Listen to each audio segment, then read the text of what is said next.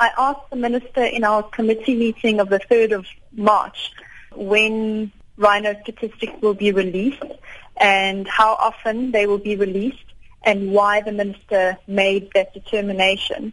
And she replied that they will be released quarterly or so because it takes a lot of um, her team's time to collate the statistics and release them and basically that her staff have got better things to do.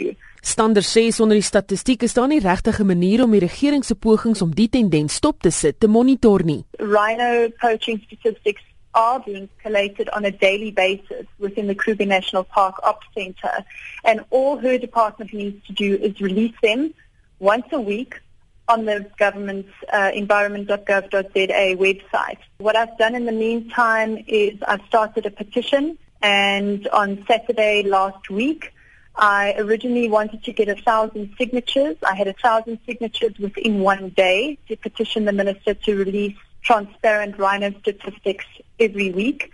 And that petition I closed last night with 5,300 signatures, which I'm going to hand to the minister on Tuesday in our committee meeting and insist that those uh, rhino poaching statistics relating to the incidents, arrests, and convictions on a weekly basis are released to the public. Stander sê verder dat minister Edna Molewa se verskoning dat haar mense te besig is om weekliks die syfers bekend te maak onaanvaarbaar is. If she is not going to acknowledge this petition with 5300 signatures calling for transparency and consistent release of the rhino statistics, then I'm going to submit a parliamentary question every week And so by the time I get the answers, I will release the statistics once a week.